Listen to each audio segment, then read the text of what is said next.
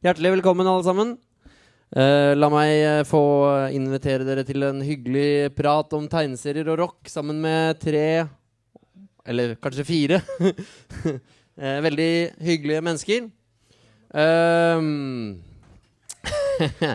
han, eh, han er rundt 50 år, vil jeg anslå. Ser ikke sånn ut.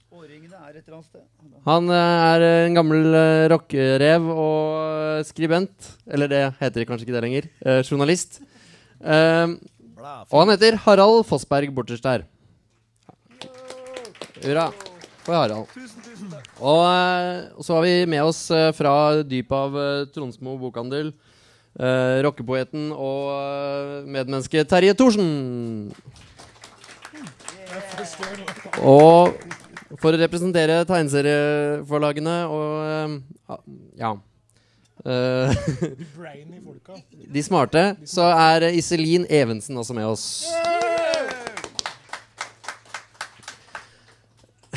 og du er fra Hamar, Ara, kanskje? Ja, og du er fra Lillehammer. Og du er fra Jessheim, sikkert. Ja. Ehm, dette her er altså seriemord, og det er eh, arrangert av Oslo Comics Expo. Det er en tegneseriefestival som eh, vi gleder oss veldig til. Uh, som er 8. til 9. juni da på Grünerløkka. Uh, Serieteket, Deichman, Skausplass osv. Um, så eh, dette her er for å liksom korte ventetiden litt til uh, sjølve festivalen, da. Uh, seriemord blir også lagt ut på uh, iTunes som uh, sånn podkast, så man kan høre på det så mange ganger man vil. Så der finner dere også alle de gamle episodene av seriemord. Går dere glipp av mye bra her i dag, så er det ingen fare. Dere kan ta det med hjem. Ja, dere kan høre på det om igjen nå hvis dere syns det var Jeg kan komme hjem til det og gjenta det. Eh, jeg tenkte jeg skulle eh, snakke litt eh, først og bare om festivalen vår. Fordi eh, det er ikke alle navnene som eh, er sluppet ennå. Eh, skal vi se hva vi har å by på.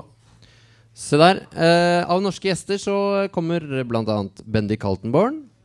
eh, og så kommer Christian Hammerstad. Og Lunsj, eller Børge Lund, som han heter.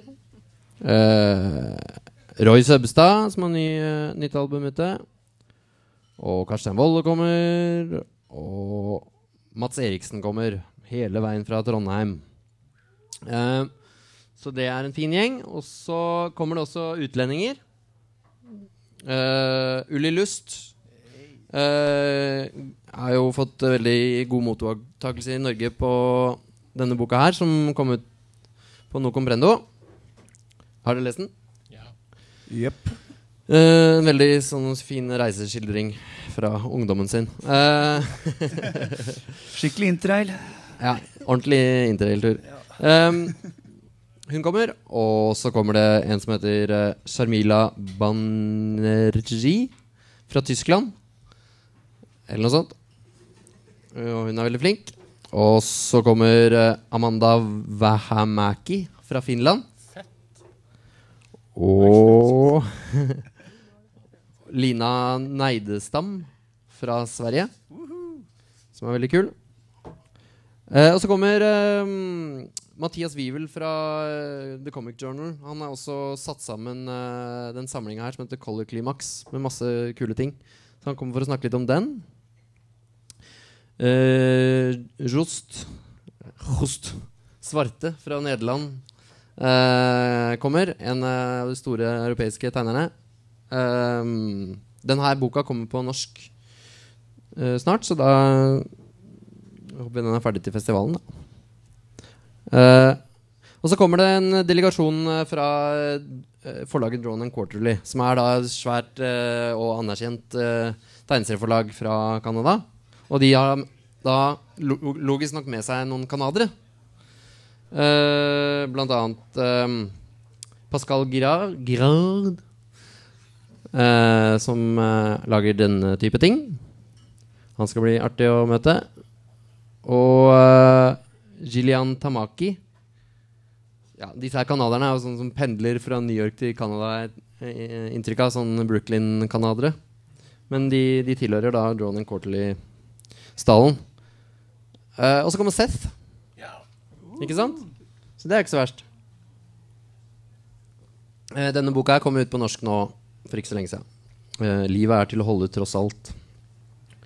Eh, og så kommer en av mine personlige favoritter, uh, nemlig! Han er ikke fra Canada. Dette er Mark Bell, og det er en underlig skrue. Han er også canadier. Han uh, har, er en ypperlig illustratør, men også har lagd mye kule tegneserier. Så han skal bli morsomt å Han skal faktisk jeg intervjue, så det blir sikkert legendarisk. Eh, og så kommer det en kar som heter Chris uh, Weir, som sikkert noen har hørt om. Uh, så det gleder vi oss veldig til. Han er ikke så Han er ikke den mest sette fyren på tegneseriefestivaler, så vi er veldig glad for at han kommer, da. Ja, og han kjenner dere. Bra. Det er ufattelig er ikke det ufattelig bra, Det er, det. det er ufattelig bra. Ja. Så dere kan glede dere. Det blir veldig, Det er så ufattelig bra at det fortjener en enorm runde applaus. Ja, ta applauder for festivalen vår. Og jeg kan også eh, Nå skal jeg ikke snakke mer om festivalen, bortsett fra å nevne at uh, det blir også uh, pinball-tur. altså sånn uh, sightseeing med Christopher Nielsen på Popsenteret. Det blir veldig kult. Og så blir det en veldig tid, ja. morsom samtale med Knut Nærum og Valdemar Hepstein, da, eller Tor Lier, og Håkon Isaksen, som skal snakke om gammal knoll og tott. Det tror jeg blir gøy. Ja, det blir kult. Med hvem da?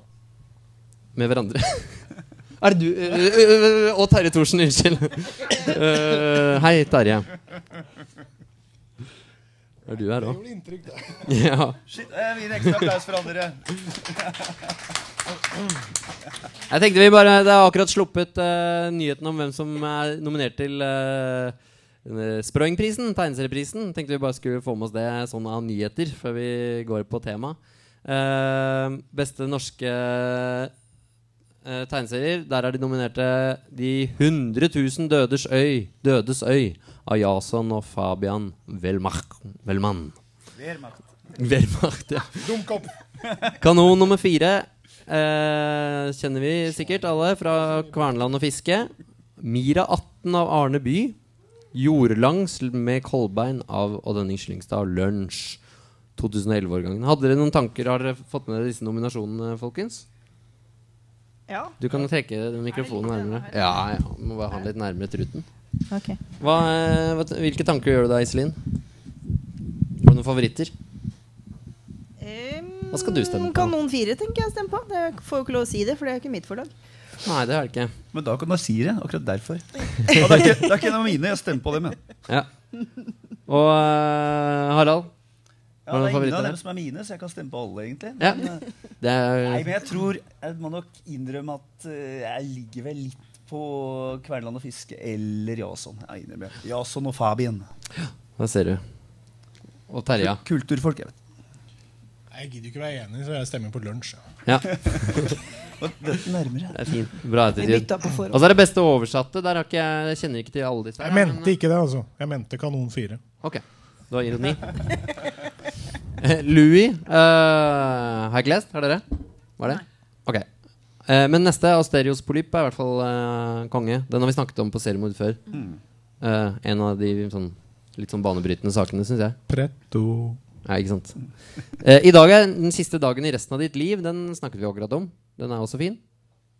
Livet er til å holde ut tross alt, har vi også akkurat snakket om. Hm, det er bare hos eksgjester. Hundevakta. Den har vi ikke snakka om. Nei, hva er det? Vet ikke. Det er den som går i Nemi. Ok. Ikke og ikke Nemi. Hva tenker dere om uh, Sprøyngprisen? Uh, Syns de gjør en eh, bra jobb med å velge ut eh, serier? Harald, for eksempel? Jeg vil jo si det. Dere tar i hvert fall ikke å liksom droppe på med sånn Nei, vi tar en sideserie Donald. Dere er jo gode på dette. Mm. Og så liker jeg at det er litt sånn uavhengighetserklæringer ute og går her. Altså det er eh, de mindre forlagene, i hvert fall blant de utenlandske. Kjenner jeg at det er et par som er ja, Dobbeltstemmer hadde vært fint. Ja. Hva syns du, da, Terje? Jeg er enig, enig med Harald. Ja. Ja, du vil ikke Det er bare for å ta dårlig mikk. Hvorfor låne min miks, er du enig? Debutanter er også har vært mye diskutert på nettet nå, da, hva, hva som egentlig er en debutant, siden Børglund debuterte jo for lenge siden. Uh, men det er en, en eller annen definasjon. Uh, ellers av nyheter så kan vi nevne at uh, disse to bøkene fra Jippi, uh, det er 'Kryp' av Christian Hammerstad og 'Generator' av Sigbjørn Lilleng, de slippes i morgen til Brask og Bram. Den burde vært nominert. Han er ikke 2012, da. Nei, men Det driter jeg i. Den burde vært nominert likevel. Uansett. Den er jævlig bra. Det er det beste norske jeg har lest på fryktelig lenge. Mm, generatoren, ja. ja. Suveren. Dere har rukket å lese den allerede? Selvfølgelig. Ja. Fikk den jo, fikk den jo i går, liksom. Ja. Hva er det vi kan den? glede oss til eh, der? Eh, For det første har han blitt enda bedre til å tegne. Altså Nebelgrad, Nebelgrad Blues var kult. Du så liksom hvor han fremdeles kom fra. Nå har han blitt liksom litt mer seg sjøl. Så nå er det sånn, for å bruke, siden jeg er på rock og tegneserie her, så vil jeg si at uh, tidligere altså du så ja, Han er liksom på en måte Dark Throne i forhold til uh, Celtic Frost. Han har liksom hatt en inspirator, men er blitt jævlig bra til å utvikle det sjøl. Det er sånn der, sint, og, sint og vakkert og veldig trist og grått. Ja, Den gleder vi oss til, så jeg oppfordrer alle til å stikke dit i morgen da, og, og være med på festen. Men Altså, hvor, hvor, hvor ofte kan du lese en dystopisk, men øm kyklop-kjærlighetsfortelling på norsk? liksom? Ja, og med gatekråker. Ikke sant? Og kanskje verdens beste tegning av eh, China House, restauranten. Noen har jeg sett på trykk. Ah, Og fabelaktige T-banescener. Altså, ja, gleder dere. kult. Det er altså i morgen på Serieteket sånn klokka sju. Sikkert? Ja, Hvis ingen protesterer. Si seks, da. Kom fem. Dårlig plass. Ok. Uh, han som akkurat snakket fra salen. Han ser sånn ut. Uh, jeg tenkte jeg skulle nevne også det fabelaktige faktum at eh, Jippi forlag, uh, den gamle traveren, er eh, 15 år.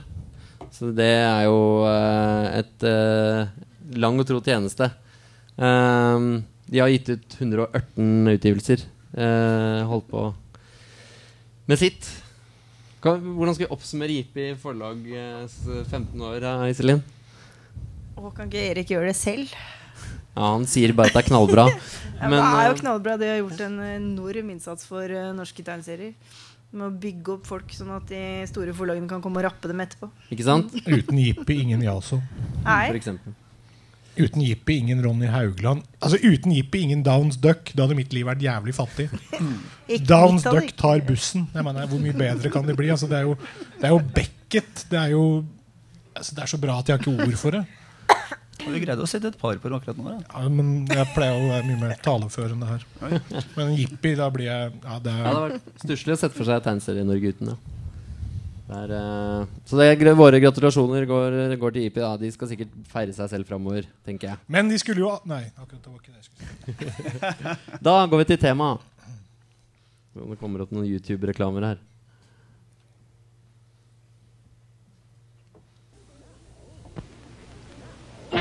And now, the Riverdale Carnival presents the Archies. Take care of the kissing booth while we're singing, Sabrina. Okay, everybody, here we go with our new hit record, Sugar, Sugar!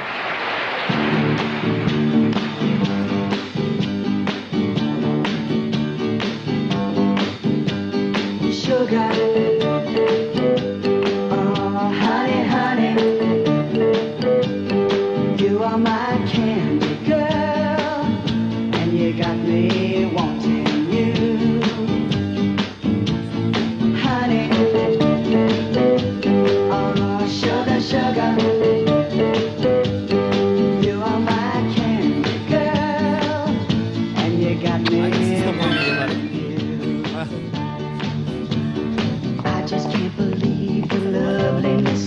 Ga han akkurat henne penger? Hva var det som skjedde nå?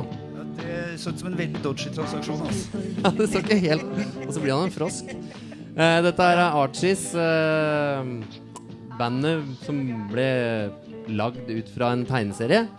Eh, jeg vet ikke akkurat Ja, det var vel tegneserien som var der fra før, da. Og så eh, tenkte jeg at her kan vi tjene litt penger. Enda mer. Eh, jeg har skrevet særoppgave om Archie, så Dette burde kunne jeg også. Um, temaet i dag er altså der eh, tegneserier og rock uh, møtes uh, av ymse årsaker, egentlig. Ganske løs løse asso- assosiasjoner rundt det. Um, ja, Archie er et eksempel på, på at man melker en det som er den store kommersielle tingen, nemlig tegneserier. Eller det var det en gang. Men det er ikke et eksempel på rock. Nei, det Ok, skal vi er definere er, hvordan vi jeg er litt uenig, da, fordi uten tegneserien Archie og uten låta 'Sugar Sugar' med Archie, så ville vi aldri fått coverversjonen som Alex Chilton har gjort av den låta. Og det, Alex Chilton er verdens beste musiker, verdens aller kuleste musiker, og det er en fantastisk dekonstruert coverversjon. Ja. Så hvis man begynner i feil ende, så blir det ganske bra. Ja. Men eh, Og så kan vi jo definere Vi får se hvordan rock blir definert i løpet av kvelden, da. Men eh, dette er jo skikkelig rocka. Eh, Men her har det jo vært mange Danser referanser. Det var referanser til The Real Ones. ja, Der. der har vi den. Vi har kaninen fra Alice in Wonderland. Ja. Da går linken rett til Tom Petty-videoen. altså, her er det mye som kommer herfra. Ja, Der har vi jo den kjente hundesexscena som er klippa. Den fortsetter jo Det blir mye grovere. Se her.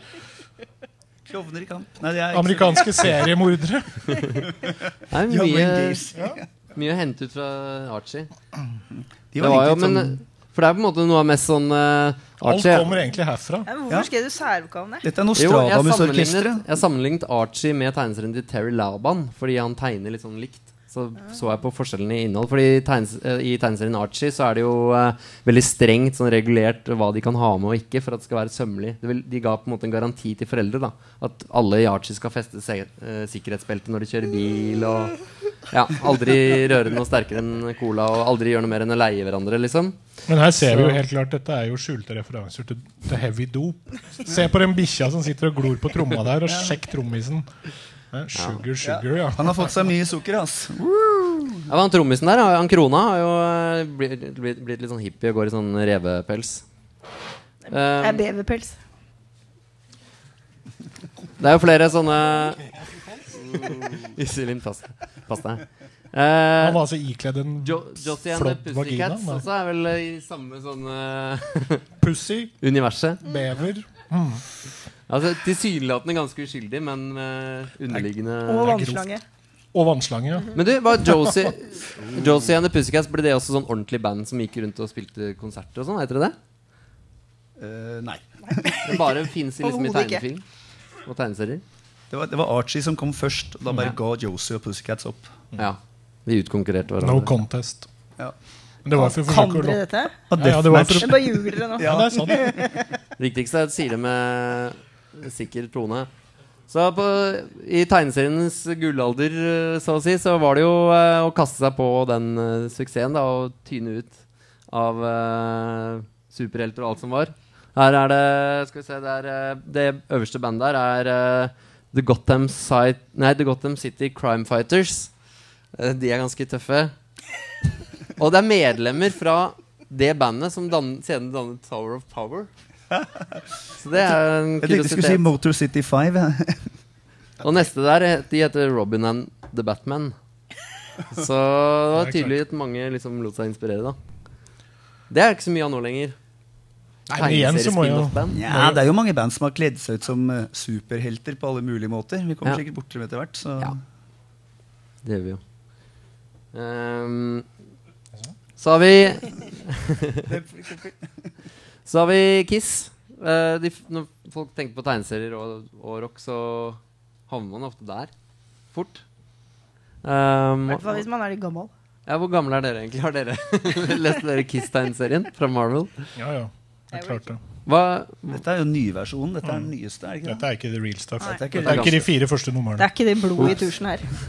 jeg får høre hva var blod i, blod i trykken. Ja, de hadde det De hadde jo med en eh, i den gamle Kiss-tegneserien fra 77? 79? Jeg husker ikke. 79. 79. Så hadde de med blod i, uh, i tusjen. De hadde Ja. en sykesøster og en, uh, og en mann fra myndighetene med for å liksom bevitne at dette var riktig. Da. Så hvis du kjøpte blekka, så Så var det garantert med blod. blod i Yes. Ja, de sto over et digert kar med sånn tusjblekk, og så var det sånn derre Drypp, drypp. Ja. Og så er det sånn derre We can now certify there is blood in that tush. Ja. Og så var, det, så var det på og dermed så blir alle fansene superlykkelige. Ikke sant? De kunne jo Ja. klo, altså Hvis de da var smarte nok, så kunne de klone Kiss. Ja. Eller Dra ut uh, Ja. DNA av, eh, av blekket. Men er, er ikke historien sånn at uh, det havna i feil gryte eller noe sånt? Og havna i på feil tegneserieblad? Det har jeg hørt at det var en sånn Archie-tegneserie eller noe sånt som fikk, fikk blodet. Men det er sikkert mye rykter rundt det greiene der. Sikkert vandrehistorie. Men det, altså, for å være så seriøs man kan være i en sammenheng her, så er det jo klart at når Kiss kommer med Destroyer, som har et veldig tegneserieinspirert cover, så åpner det seg en ny verden for meg som nettopp hadde kjøpt Eric Clapton, 461 Ocean Boulevard. Og så ble neste plate Kiss Destroyer. Og da er det, det ikke noe vei tilbake, liksom. Da er det kjørt. Ja, ja, ja. Jeg mener at dette er et av de geniale banda. Altså Sammen med Ramones er det et av de virkelig altså, postmoderne, genialt dumb-down-banda som finnes. Som har kokt ned alt til eh, det nivået som jeg forstår. De er så smarte ja. De er så dumme at de gjør seg at de, de er så smarte at de gjør seg dumme for at folk skal kunne like dem. ja. Er ikke det kanskje det, det er sånn man når uh, tenåringshjertene òg? Jeg får holde meg taus. Ja. Ja, men du representerer de smarte. Iselin eh, er jo med i panelet, for hun Nei, pleier det å er det, sitte det er sitte i salen og rope opp på scenen. Nå har du kommet opp, så nå kan du snakke i mikken. Ja, nå Nå kan kan du tyne alle andre istedenfor oss. Hæ? Nå kan du tyne alle de ute i salen istedenfor oss. Jeg kan rope Er til det de noen som melder seg? Er det noen som har lyst til å bidra med noe? Rop til Iselin. Uh, ja, Alice Cooper også en art artist uh, som assosieres veldig med tegneserier. Da. Det ble lagd også for Marvel egne Alice Cooper-tegneserier. Jeg har aldri lest noen av disse tegneseriene, må jeg innrømme. Uh, okay. har, har noen av dere noen minner fra disse? Lest Kiss, faktisk. Alice Cooper-tegneserie visste jeg ikke Ikke fantes. Nei. Nei, for den her er jo gammel, uh, sikkert. Men uh, det, han lagde jo også nå på, eller sånn på slutten av 90-tallet, var det vel, med Neil Gaiman. Kanskje vi har noe av det. Jeg husker ikke. Det er jo symptomatisk for hvordan Marvel prøvde å liksom sope inn penger på absolutt alt. da Ja, ok, Så, så, så nå, i motsetning til Archie, som hvor de lagde musikk av en kjent tegneserie, så er det her at de vanner eller prøver å melke artistene. Ja, altså Det har jo ofte vært Marvels strategi. Dette er jo akkurat som filmspesialer. Det er Det er liksom liksom opplegget. Ja. Men dealen er jo at Marvel prøvde å liksom å lage en slags eh, sånn fantasiverden rundt det. Det hadde jo sånn, det hadde et eget bolag som het noe sånt som Maximum eller Rock'n'Roll Comics. Revolutionary Comics. De hadde sånn Unauthorized and Proud of It. Ja, de kommer vi til uh, litt etter hvert. Ja, så det, Fordi de var helt De var skammelige. Skamløse. ja. Men det er jo uh, lurt, for du har jo allerede fig tegneseriefiguren er jo ferdig. Så, og folk kjenner den, så da Just går- add action. Dette er vel 'Welcome to my nightmare', da, kanskje. Eh, Ja, det kan se sånn ut. Ja, her er de du snakka om, Harald. Uh, det er en hel sånn serie. Rock and roll uh, comics. Eh, her står det at det begynte i 1989, men jeg trodde det kanskje begynte enda før. Ja. Um, og det er en key som har lagd eh, Eller det er mange involvert, da. Men de har lagd eh, tegneserier av, eh, av alle mulige slags band. Uh, hadde du noe bakgrunnsinformasjon på han, Ja, han som har skrevet manuset på det, Iselin? Ja, Han er i hvert fall utgiver. Jeg vet ikke om han har skrevet manus på Ja, det. ok. Men uh, Er det nå P2 skal følge nøye med? Er det nå du skulle si de greiene som Nei, nå kommer jeg til seriemord. Oh, ja. Altså ordentlig seriemord. Ja, for han fyren som jeg ikke husker etternavn på, han heter Todd et eller annet. Er det noen som husker hva han heter i etternavn? Nei. Eh, han eh, ble holdt på med disse tingene her som eh, skapte masse furore. For det er jo sånn uautoriserte biografier alle sammen. Og det, ser ganske røven ut. Altså. Her er Metallica og Guns N' Roses og her er Han ble enda saksøkt av Guns N' Roses og New Kids on the Block, tror jeg. Ja, den fins også. Men poenget er at altså, det- dette, pga. ytringsfriheten i statene så fikk han medhold i at dette kunne han fint gjøre. Men så ble han drept, gitt. Ja. Og man vet ikke hvem det var som tok livet av han, men man lurer på om det Sannsynligvis var David Bowie. Ja, det, Jeg tror også Mick Jagger ville ha vært ute etter den. Se på, det, se på den tegningen han har gjort av Mick. Da. Det er sånn der, I'm getting a contract out on that man. Fuck him. ja, Men han er jo hyggelig. Men, eh, nei, men poenget er at de tror kanskje at han ble drept av han der seriemorderen som, eh, som drepte Versasje. Som var på, ute på killing spreen sin akkurat i denne perioden her, da. Men de vet ikke. Nei. Og Dette er jo en ordentlig god historie. motivet kan jo ha vært eh, når du rettferdighet, på en måte. tegner eh, Ja, det så jævlig artister så det ligner så lite. Men eh, ja, det ser ganske vemmelig ut. Det burde Eh, vært satt inn for crimes against art. Altså, de tegningene der er helt katastrofale.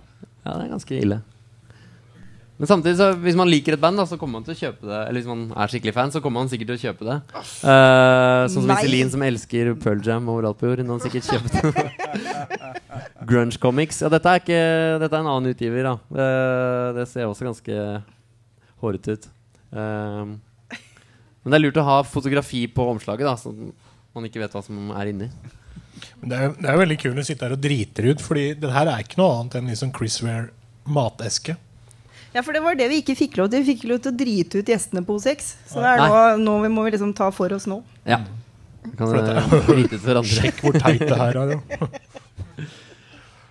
Eh, jeg har lest den her. Det her er Godspeed, The Kurt Cobain Graphic. Eh, Den var ikke verdt de ti kroner den kosta på salg på Tromsø engang. Men har ikke Courtney Cox lagt, eh, lagd tegneserier òg? Courtney Love. Ja, sorry. Eh, Kan vi Ja, spole nei, tilbake det- på den podkasten? Eller er det? ja, ja. Nei, det vet jeg ikke, men det her er, eh, der er sånn Ja, det er det det ser ut som. Og det er skikkelig patos, grusom sånn derre Buhu, jeg er Kurt Cobain-opplegg. Og deilig med sånn der skikkelig sånn premium emo-greie. Ja. Så- Sånn får deg til liksom å bli flau allerede når du ser coveret. Det er jo Det viser i hvert fall at uh, selv om man kobler rock og tegneserier, så blir det ikke nødvendigvis bra, da. uh, og kanskje det som avgjør om det er bra eller ikke, er litt sånn motivasjonen uh, det er gjort ut ifra. Um, skal vi se på en platecover, da? Noen som kjenner den her? Ja, det, er, det er jo uh, Don Martin. Yes. Det er det. Uh, Don Martin som har lagd uh, Miles Davis uh, platecover. Det er jo utrolig fett og morsomt å tenke på at det er han. Um, og det er jo masse Masse eksempler på tegneserietegnere som har lagd uh, rockealbum. da Uh, vet ikke om vi kommer til noen av de dere elsker eller hater av, av sånn type cover. Her, Eh, her ser vi Gorillas, eh, som jo selvfølgelig er linka til tegneserier på flere måter. Tank Girl. Eh, ja. Og så er det Urge Overkill der, uh, tegna Daniel Close. Og Iggy Pop, tegnet av han Charles Burns. Charles Burns. Så er det Korn. Jeg husker ikke hva han tegneren heter, men det, Det driter vi i. driter vi. Det er han Spawn. Han er Spawn. Ja, Ja, så vi Han. driter i det. bra. Det, det kommer til å være veldig lav snobbefaktor her oppe på scenen. Som dere kommer til å merke. Ja, men Men igjen, du, det her er morsomt. Oi, shit. Eh, hvem var det som sendte meg det her eh, Terje fanget, fanget i håret til Iselin. Um, da skal vi se. Pink Floyd. eh, hvem, var det som, hvem av dere var det som tipsa om det her? Ikke jeg. Det var vel Iselin. Var det Iselin? Det var en morsom uh, fun fact som jeg ikke visste. Du har egentlig ikke lov å uttale deg om Pink Floyd, men gjør det likevel. Hva, hva var storyen med det omslaget? Husker ikke. Nei, hva Idiot. Skal, Jeg trodde Eh, jeg skulle bli tynt for at jeg hater eh, Pink Floyd. ja, vi kan godt tyne deg for å være, prøve å være spesiell og ikke like Harald kan snakke om Pink Floyd, for han liker Pink Floyd. Ja. Uh, det var jo et sannhet med modifikasjoner.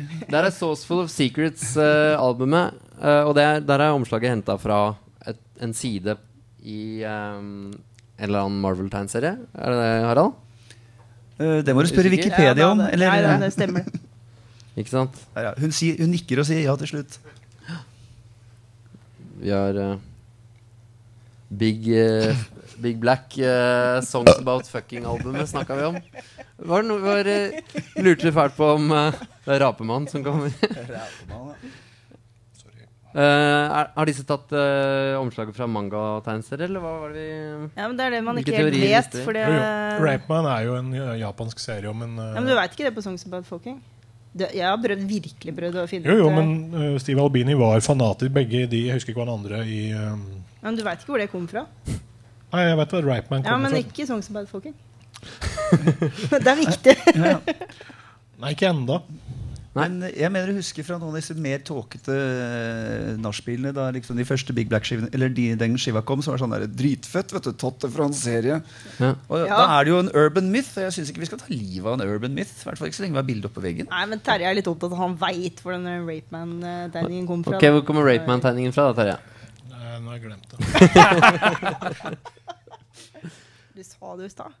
Jeg kommer fra en japansk tegneserie som handler om en eh, lærer som på dagen er eh, Lærer, og på kvelden er en slags sånn enmanns borgervern som jeg tror han straffepuler eh, ulydige studenter eller noe sånt. Jeg, jeg har ikke lest det så nøye, men uh, det kom vel Sånn er 13, 13 blader eller noe sånt, og etter det så kom det vel ni tegnefilmer eller noe sånt. Men det er ikke noe jeg. Er det en tegneserie du anbefaler til kundene dine på Tronsmo, eller? Nei, det er out of print, så det er ikke noe problem. Sånn. Hva med musikken? Jeg, jeg kjenner ikke bandet heller. Hva er det? Rapeman er jo Steve Albini sitt band. Ja. Så det er, da vet du at det er veldig veldig spisse gitarer. Veldig veldig underprodusert og ganske sinna. Det er eh, en pussig greie jeg fant uh, i forbindelse med dette her. uh, også noen som lager eh, eh, soundtrack til eh, tegneserier. Så eh, her er to eksempler på det. Eh, en som har lagd da musikk som man skal høre på mens man leser eh, Like eh, Velvet Glove Cast in Iron av han Daniel Klaus. Victor Banana heter han. Jeg prøvde å finne en, uh, informasjon om han, men uh, Er det? Ok. Ja vel. Eh, så han har lagd musikken til, som man da skal sette på mens man leser tegneserien. Det er jo kanskje en god idé. Eh, enda et Det forutsetter at du kan både lese At du kan gjøre to ting på en gang. Da, så det, Ja, det er Rock og tegneserie på en gang. gang. Og så er det sikkert synka, eh, så Ja. du må lese i riktig rekkefølge. Eller sånn, lese i riktig tempo. Eh, samme er gjort da med Blankets. Å, det må være en jævlig lang soundtrack. Dette tror ja, det er er eh, vi, vi hørte på det på jobb i dag, og det var eh, er treigt. Så det passer til tegneserien. Jeg husker jeg, lås, jeg leste faktisk Blankets mens jeg så på og hørte Godspeed og Black Emperor. Og det var jo Det funka jo, det òg. Selv om det gjorde at det ble litt sånn mer ominous stemning over bildene. Jeg syns du sa jeg leste Blankets mens jeg sov. Jeg. Det gikk veldig tregt. Ja, det var, det var første, første gangen, det. Ja, kanskje det er en god eh, Kanskje man skulle ta opp den ideen igjen og gi ut pl eh, plater man skal sette på for å lese tegneserier? Nei. I hvert fall ikke det. Skal vi se på litt blues? Ja, krok. Mm.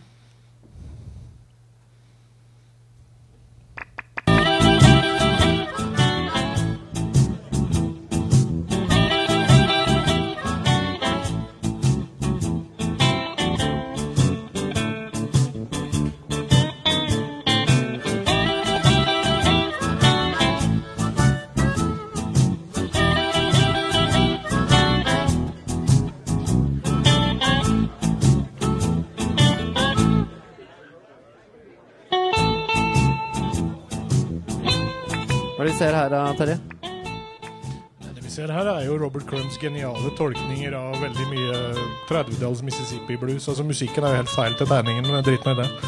Uh, Crumb er jo ve veldig opptatt av uh, urblues, akustisk Mississippi blues, uh, gammel, gammel jazz.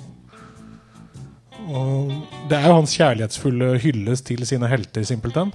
Uh, Crumb har jo også illustrert Han, han gjorde jo coveret for Janis Joplin og, og hata jo musikken. Ja, Mm. for han blir jo veldig assosiert med hippiegjengen. Ja, og han, han vil jo ikke egentlig ha noe mer å gjøre. Og det verste han veit, er jo når folk drar fram Cheap Trills-cover og Keep On Truckin'-figuren hans. Det er de to tingene han får helt spader av. Ja. Mm, ja. Derfor spurte jeg han om akkurat de to tinga da jeg traff han i Paris for et par år siden. Sa du 'keep on trucking'? Ja, han ble dritsur. Har du blåveisen fremdeles? Nei, nei. Nei, da, skulle jeg, da hadde jeg ikke vaska meg hvis jeg hadde fått den. Men det er jo eh, Det er på en måte typisk da at eh, eh, for tegnere så blir de eh, liksom eh, eh, forbundet med en sånn eh, eh, type musikksjanger og sånn, så er det ikke sikkert de egentlig hører hjemme der. Men det er jo tida og Altså, I Crumps tilfelle så var det jo det at han bodde i San Francisco, liksom han bodde i Hat Ashbury. Eh, og fantes i nærmiljøet og var eh, en bra tegner. Og de trengte et cover, og han gjorde, har gjort masse plakater og andre ting òg. men Det er et av de fineste coverne. ja, det er jo dødsbra. Men det er også kult at fyren da tar og bruker sin skal vi si, superstjernestatus. Altså Når han har fått liksom Oh, gosh, Krøm, han som ikke sant, har presentert Janis Joplin for oss.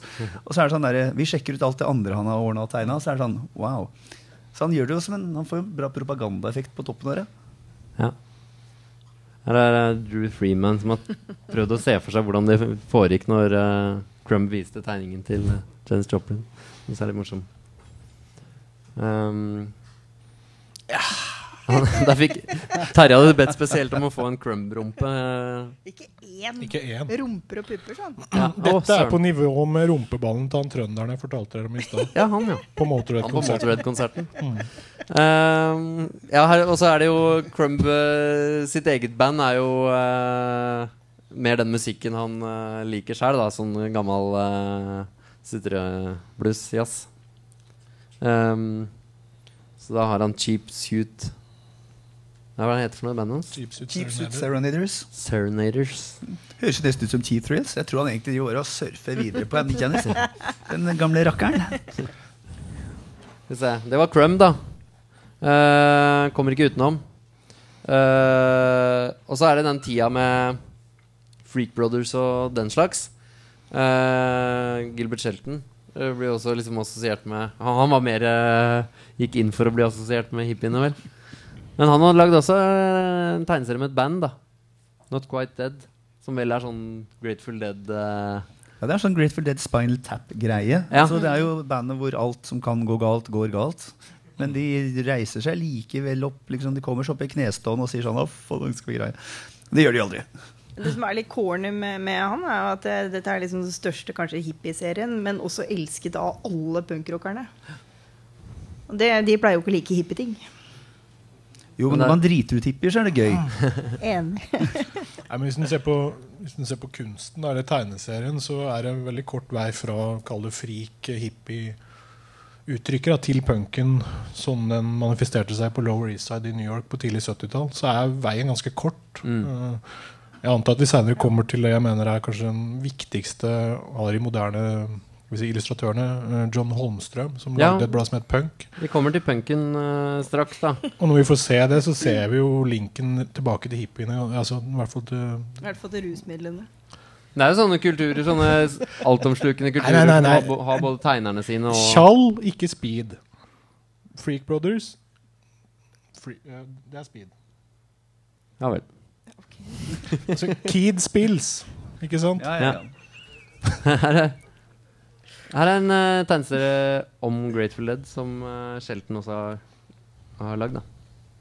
Eh, nei, men det er jo de, de der, både hippiekulturen og punkkulturen som har med seg de, Ok, Musikerne er kanskje viktigst, og så har de med seg liksom andre kunstnere som Som måtte høre til miljøet og lage plakatene og Men Shelton mangler jo helt den kulturelle resonansen som Crumb har. Da, for Crumb er jo Ja. opptatt av altså, den opprinnelige amerikanske musikken da, i, og den amerikanske kulturen. Altså, enten det gjelder musikk eller film, eller også tegneserier. Han er jo en stor kjenner av klassisk amerikansk 20- og 30-talls tegneserier. Shelton er mye mer et produkt av sin tid. Ja, ja. Det er happy go lucky og Jeg prøver å si at det var altfor få Crumb-bilder, og så er det for mange Shelton-tegninger. Fant en eh, Ja, det er jo sånn Det er mange rare sånne eh, eh, steder som tegneserier dukker opp i, i, i rockekulturen. og, og det her er Pink Floyd uh, sånn slags mm, de, Hvis man dro på konsert med Pink Floyd, så fikk man med en tegneserie som var lagd av måte, noen fans, tror jeg. Uh, så det er helt merkelig uh, sånn fan-tegneserier eh, om de forskjellige medlemmene av bandet og sånn, da. Hvor eh, her han er eh, eh, fotballspill... Fot, Det var det ikke litt sånn drømmefantasier? Jo, det var sånn fantasier fantasier som fan, fansen hadde om de medlemmene av bandet. Det sånn Fotball og Pink Floyd, det er jo for faen et mareritt! Altså Fotball og Iron Maiden den kjøper jeg, men fotball og Floyd mm, ja. Det har vel noe til å gjøre med sånn fanfiction. Allerede da så begynte man liksom mer Det er sånn derre Ok, vi tenker visst det Mm. Nei, jeg har ikke lest den i sin helhet, men jeg ser jo um, ut som merkelige greier. Du skal slippe å forholde deg mer til Pink Floyd, uh, Iselin. Ja, det var uh, noen som tipsa oss på Facebook med at Hawkwind er liksom Der er det lagd mye tegneserier om, om de og rundt de, da. Så jeg fant ikke så mye, men um, men det er en vært, slags halvoffisiell uh, Hawkwind-tegneserie, da. Og det finnes jo også veldig mange sånne altså På de gamle Hawkwind-skivene så lå det alltid et godt, godt hefte med mye illustrasjoner. Ja. Som passet veldig bra til både musikken og øhm, ja, Vi skulle ikke snakke om rusmidler her, men uh, jeg, tror, jeg tror det var en kombo her som var uh, veldig til stede. Grafisk stimuli. Ja, Veldig grafisk og litt mer sånn intern, ja. Var det speed eller tjall? Syre. Så man skulle liksom uh, dytte innpå med syre og så høre på Hawkwind og så lese tegneserien. Det er litt sånn søtt, på en måte. Ja, men skal ikke unna, altså jeg, jeg brukte de siste 100 punda jeg hadde en gang i London på slutten av 80-tallet, på en legendarisk Hawkwind bootleg-video. ja. Jeg mener, Pleier du å låne bort? jeg fikk den aldri med meg hjem.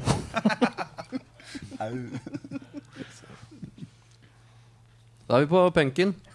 Apropos punk, kan, eh, få, kan noen eh, fra komiteen komme og hjelpe meg litt her oppe? Aksel eller eller annen. Eh, ehm, hva, uh, hvordan henger punken sammen med tegneserier sånn? Uh, hvor møtes de?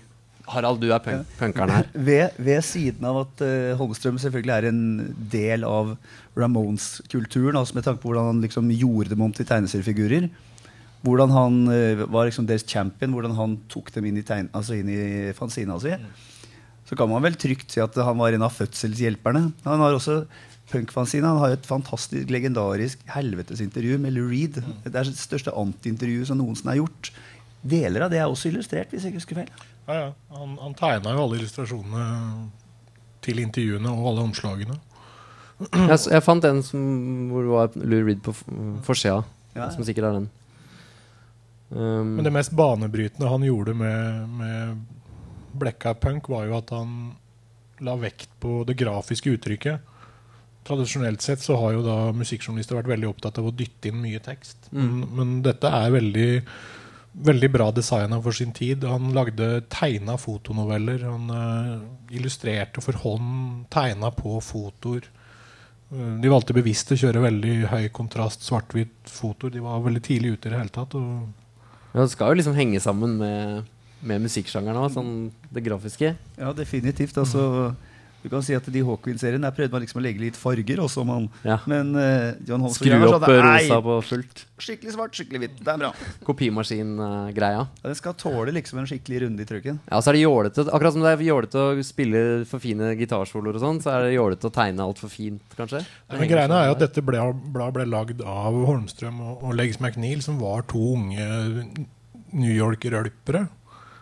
Som gjorde det beste de kunne for de penga de hadde. Så dette er ikke noe sånn Dette er så bra de kunne få det for de midlene de hadde Ja. tilgjengelig. Dette er jo et ekte og realt og ærlig uttrykk, i motsetning til alt det crappet vi har sett liksom på sånn Marvel-greier og sånn. Og så er det fans, eh, kanskje? Ja, men det er, det er ikke noe sånn etterplaprer. Altså Intervjuet med Lou Reed er ganske strengt. Det er jo, Lou Reed sjøl var jo Han var kanonsur. Mm. han ble surere og surere etter hvert som intervjuet gikk, for de, var bare sånn, de bare ble mer og mer plagsomme mot den og begynte å bli, stille alle dumme og ekle spørsmål. Og han var sånn der, Dette orker jeg ikke mer. Men et par år seinere, da, da, da bladet liksom hadde oppnådd legendestatus, da var jo Lou Reed veldig Da syntes han det var veldig kult. da De hadde skjønt det. Og snørrungene, de var kule allikevel. Det er litt som dungeri, liksom. Ja. ja det, er, det er sånn der, eh, Det er den der fanzinekulturen som også fulgte med punken, da. Eller var jo sikkert der før det òg, selvfølgelig. Eh, Med sånn Fanzine er vel opprinnelig fan design. Så da eh, Men det var vel sikkert det på sånn 60-tallsband og sånn òg, Men da sto det vel mest om eh, hva de i bandet brukte av undertøy og sånn. Men så kom det tegneserier med etter hvert, da. Og punken har vært helt sånn opphengt i å lage fanziner, virker det som. Der er det sikkert mye både i utlandet og hjemme i Norge. Så det er jo sin tids Facebook. Det er Ja, på den fanzinene. ikke? Det på den måten du kunne formidle informasjon om det som, som du sjøl var glødende interessert i. Da. Og så kunne du fortelle det til de 50 andre som også var interessert. Mm. Istedenfor bare å trykke like på det bandet du liker. Ja, det er litt mer, kanskje litt mer eh, Nei, men som du ser, ikke sant, som Sniffing Glue, for eksempel, du ser at det er sånn det er et bilde som antageligvis bare har klaska på et ark, og så har de tatt og skrevet litt med tusj, og så plutselig så lager de en sånn liten sånn tegning hvor de liksom har Hurra, dette er kult. ikke sant, sånn Mm. Bank en hippie. Er det sånn. Lillesøstera mi kan tegne, hun kan lage baksida. Men det er jo sånn eh, det, Men det kler jo hverandre, da, igjen. Så det er sånn at uh, uh, hvis man skulle lagd en, et, en fanzine rundt liksom prog uh, Eller jeg vet ikke, jeg. Kanskje sånn tyggegummipop, så blir det mer sånn Punken passer til å ha det Da kan du faktisk gjøre det sjøl, fordi det, det Det skal jo være litt rufsete òg. Ja, absolutt. Rufte med en proff. Lager du en, en hiphop-tegneserie, så er det jo bare å bruke en stor murvegg. Det kan vi jo se over hele byen. Det blir enklere. Ikke sant? Spare trykkeutgifter. Ja, det er ikke det herlig? Fy faen. Er? Har dere lest den? Her er vi på en tegneserie som heter Henry and Glenn Forever. Uh, Iselin, hvem er dette her?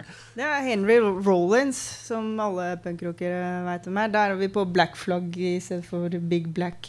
Eh, og Glenn oh, Hva heter han igjen? Glenn Danzig. Danzig ja, fra Misfits. Som, eh, også som liksom da har et homoerotisk forhold i denne tegneserien her. Som jeg ikke har lest ennå. Jeg veit ikke om jeg tør heller. Det ser så jævlig intenst ut. Men, men visstnok så er det ganske god tegneserie òg, faktisk. Men uh, da er det sånn en fan som har uh, Litt som i stad, at eh, de har laget sin egen fantasi om, om heltene, Ja, da. Det veit jeg jo ikke. Det kan jo hende at de Ja, men det er jo i hvert fall Jeg tror vi nå egentlig beveger oss på- Jeg tror dette er Iselins fantasi jeg, som vi snakker om nå. Men det er jo bare Nei, min teori. da, Ja, men det er vakkert å se ikke disse bra.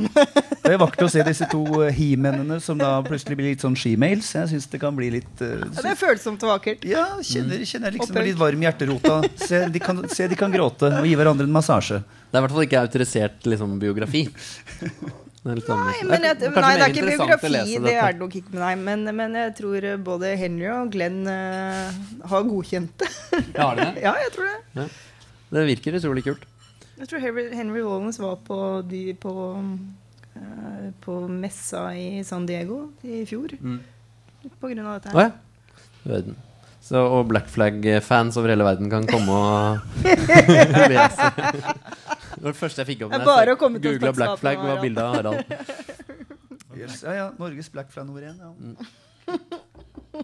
Black, altså. altså, Black Flag er jo også Det er jo Igjen det grafiske uttrykket på skiven og sånn er ekstremt Ja, ja. viktig. Uh, fra liksom bandlogoen og det som ble tatovert på Ja, og det, det har jo fortsatt videre med nye bandet Off. Mm.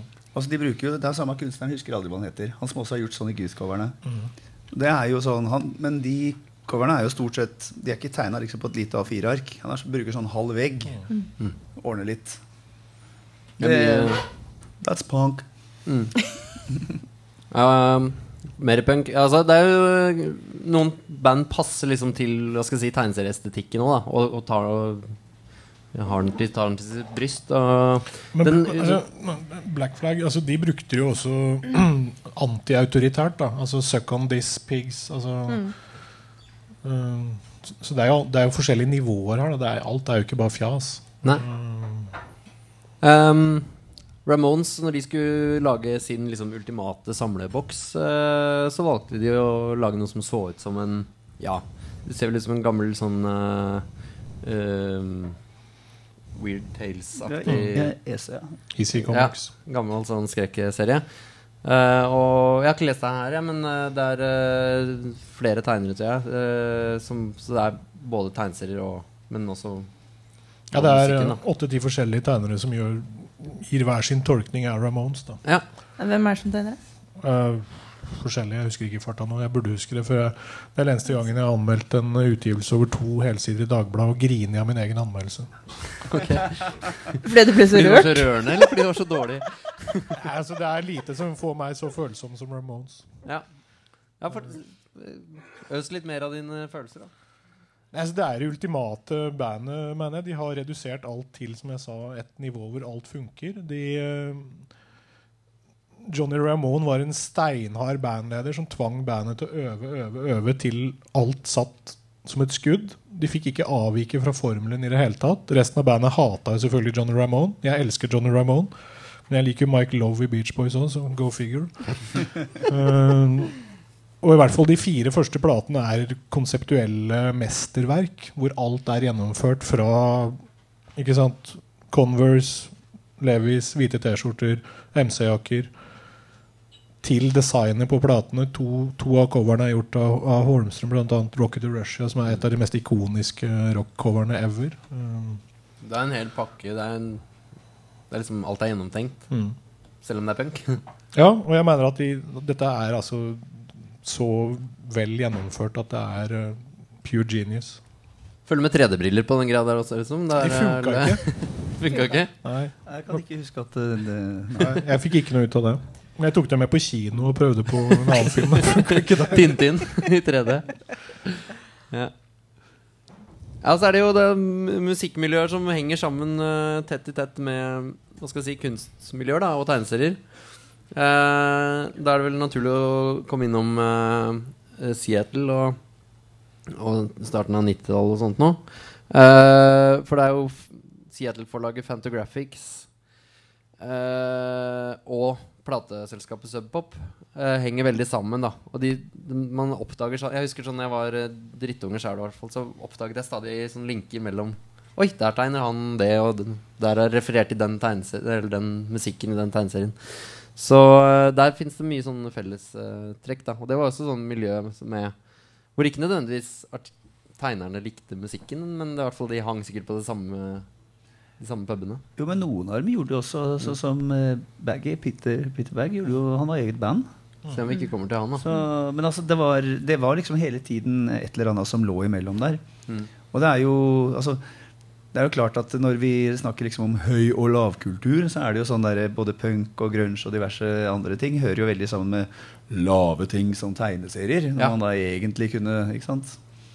Det, det er jeg, jeg, jeg mener at det er sånn det, det er liksom tre grep på sannheten. Eller sånn der masse tusj, og nå kjører vi. Ja. Iselin, du sa at uh, liksom, uh, det er de som holder på med rock når de er unge, og så ikke skjønner at de skal slutte med det på et tidspunkt og få seg en ordentlig jobb. Det er litt det samme også samme med de da som de av oss som driver med tegneserier. er litt det samme. da Ja, det, men jeg tror altså subkulturer generelt, da, Ja. enten de er liksom litt bitte små eller litt større, har jo akkurat det til felles at det er folk som fortsetter å gjøre det og fortsetter å tro på det. Mm. Og særlig undergrunnstegneserier og undergrunnsmusikk går litt sånn hånd i hanske. Og det er såpass små miljøer at jeg tror de også oppholder seg stort sett på samme steder. Ja, Er det ikke så enkelt som det? At de, de drikker øl de samme stedene og kjenner hverandre? Så i en by så er det ja, De som at, altså- driver med kunst, kjenner de som driver med musikk. Ja, og folk som har på en måte ett kunstnerisk talent, har ofte ett til òg. Ja. Noen kan tegne, eller noen kan uh, skrive. og Så er man på samme stedene. Ja. Og så tegner han cover for deg, og så gjør jeg et eller annet for deg. Og så.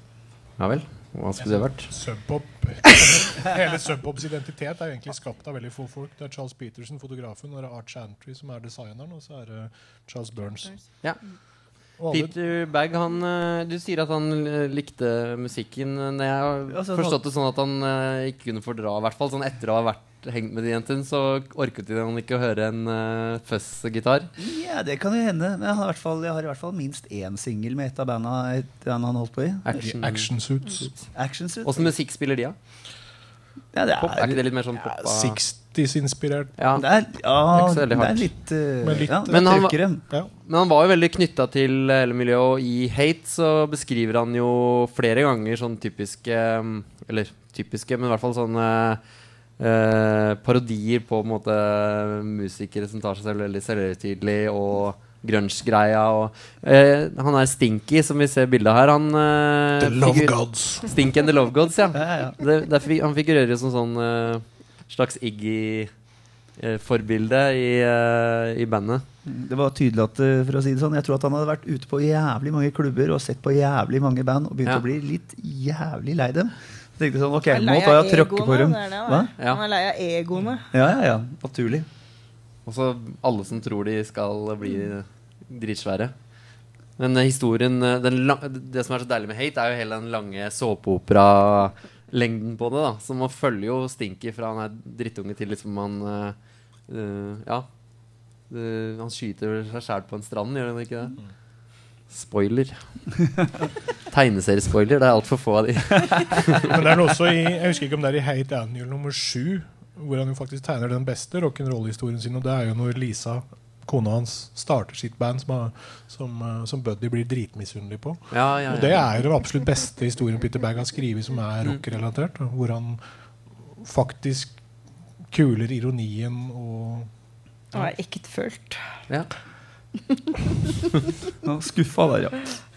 Han har Jeg flere syns den er fin. jeg. Han har flere fine sånne øh, rocke... Eller sånn bandhistorier, da. Det beste er noe Ja, dette er vel egentlig starten på det der Nei, Ja. det Stinky-eventyret.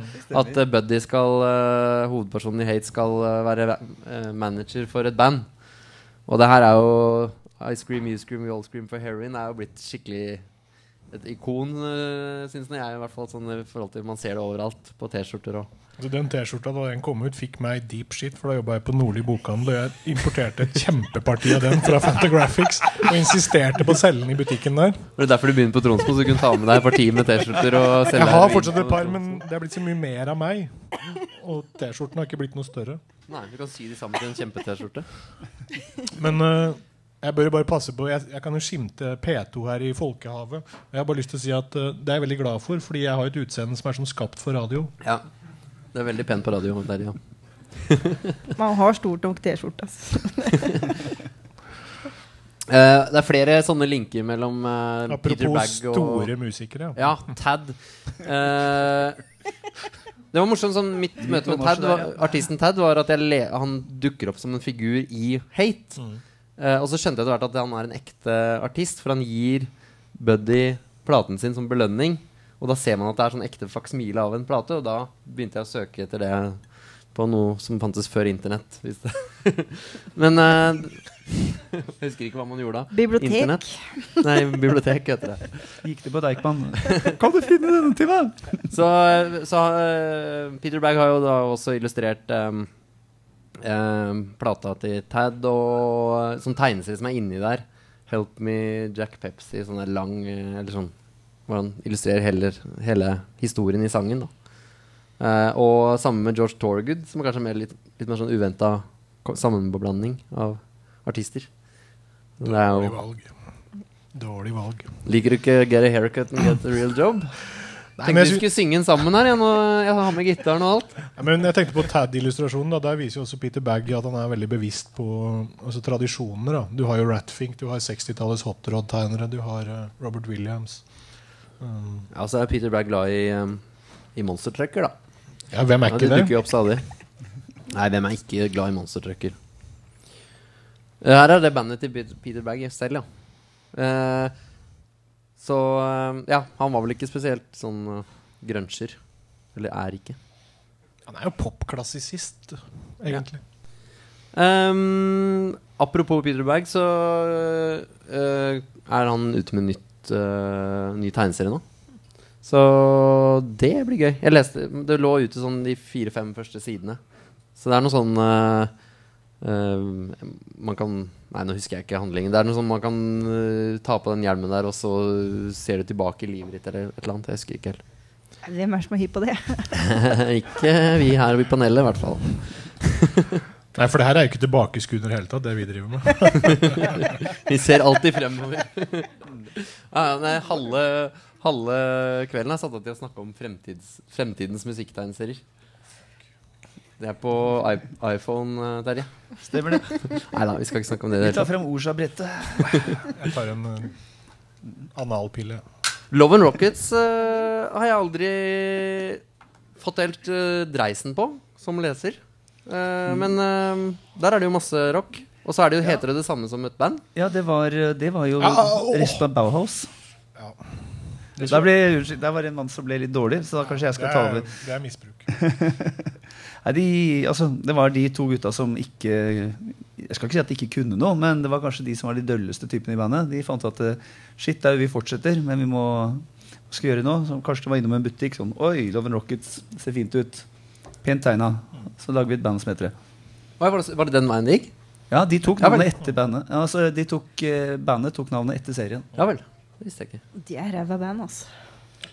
Det er litt sånn Andrew Ridgeley-faktoren.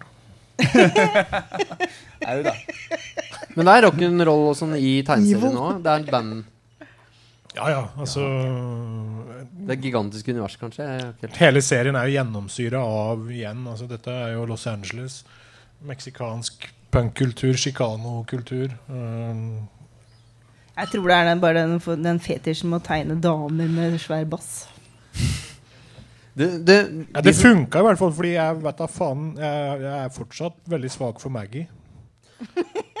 Fortell om de der som lager Er det tre brødre?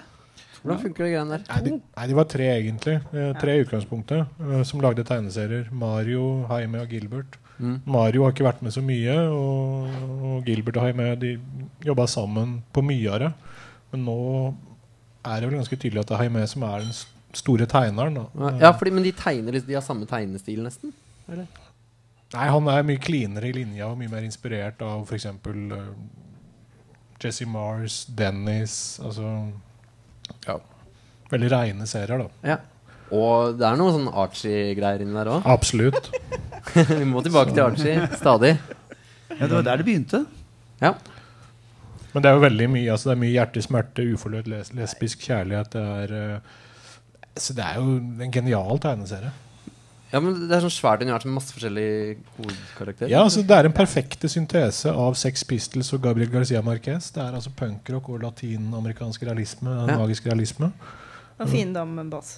Og fin Men, damer eh, med bass.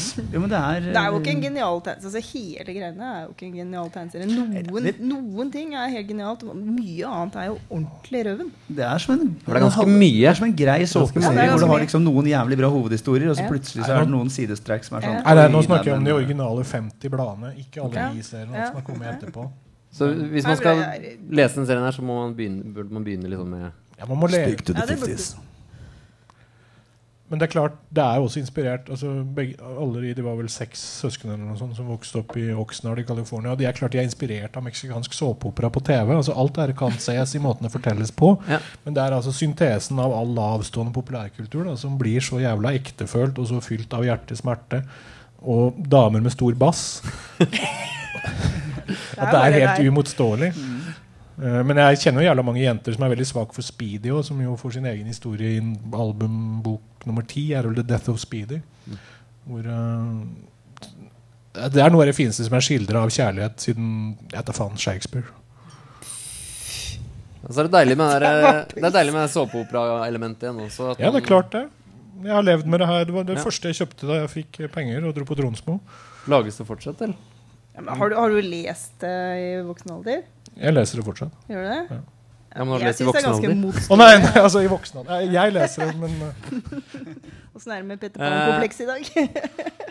Hernandez, altså Gilbert uh, Hernandez og Peter Bagg, de eh, det er rein crap. Det er rein Ja, søppel. de, de skulle, hadde prosjekt hvor de skulle lage en uh, tegneserie som de tenkte kanskje skulle bli en skikkelig sånn kommersiell suksess da, for DC. uh, som Peter Bagg skrev. Og så trengte han noen til å Han orka ikke å tegne det sjøl, så da fikk han han eh, Hernandez til å tegne. Og det var, var sånn Ja, for Peter Bagg også er utrolig opphengt i Spice Girls og sånne ting. Ja, ja, han har Um, skrevet en genial hyllest til Spice Girls. Han har litt sånn fetisj på de.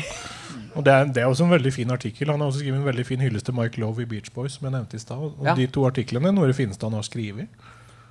Han lagde også tegneserie om han pappa Beach Boys. eh, Som var veldig fin Men de her prøvde å lage da tegneserier for som egentlig hvor de prøvde å treffe sånne unge jenter. Og, det var et sånn oppriktig forsøk på, på å lage en, da, en sånn kommersiell Josie and the Pussycats-sak. Uh, Prøver å få det veldig bredt, i hvert fall. Ja, du har liksom sånn 50s, eh, sånn 60s Beehive-greia, så har du litt sånn hva heter hun derre What If God Was One of Us?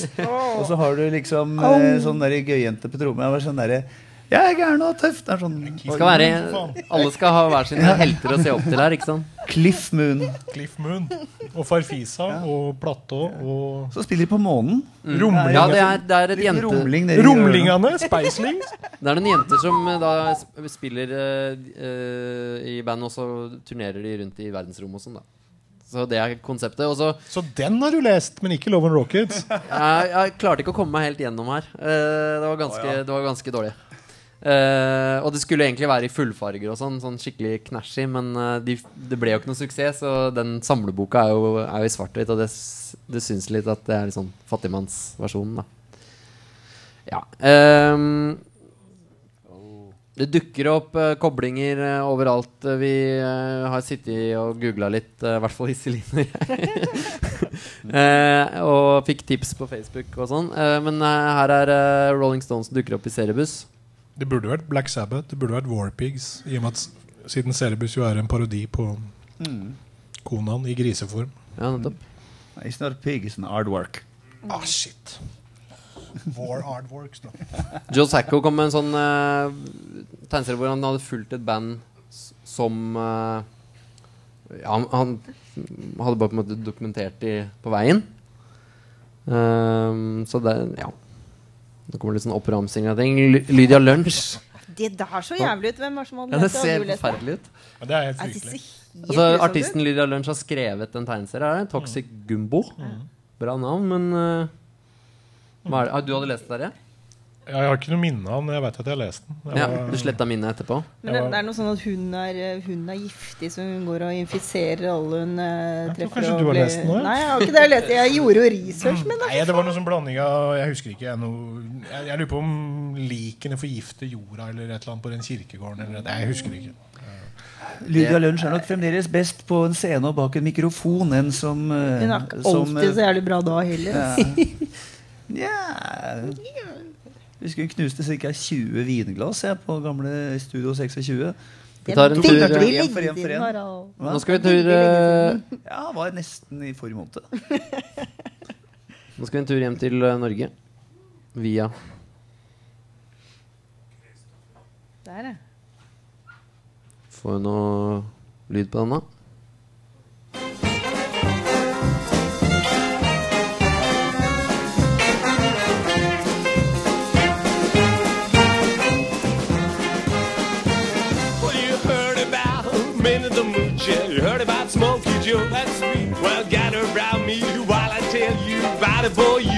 Now, folks all call him Jerry the Junker. Down in Chinatown, he's deaf, dumb, blind, and lame, but he still keeps going around.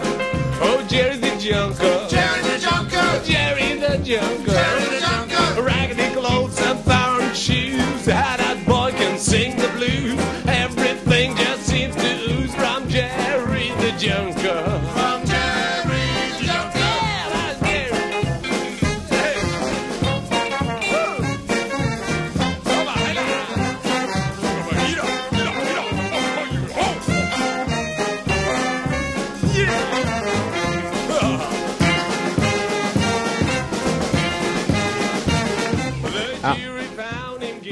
Jeg fant den her på internett. eh, Det er eh, Frank Snort Orkester er det det heter? I søndag, Søndagsbandet.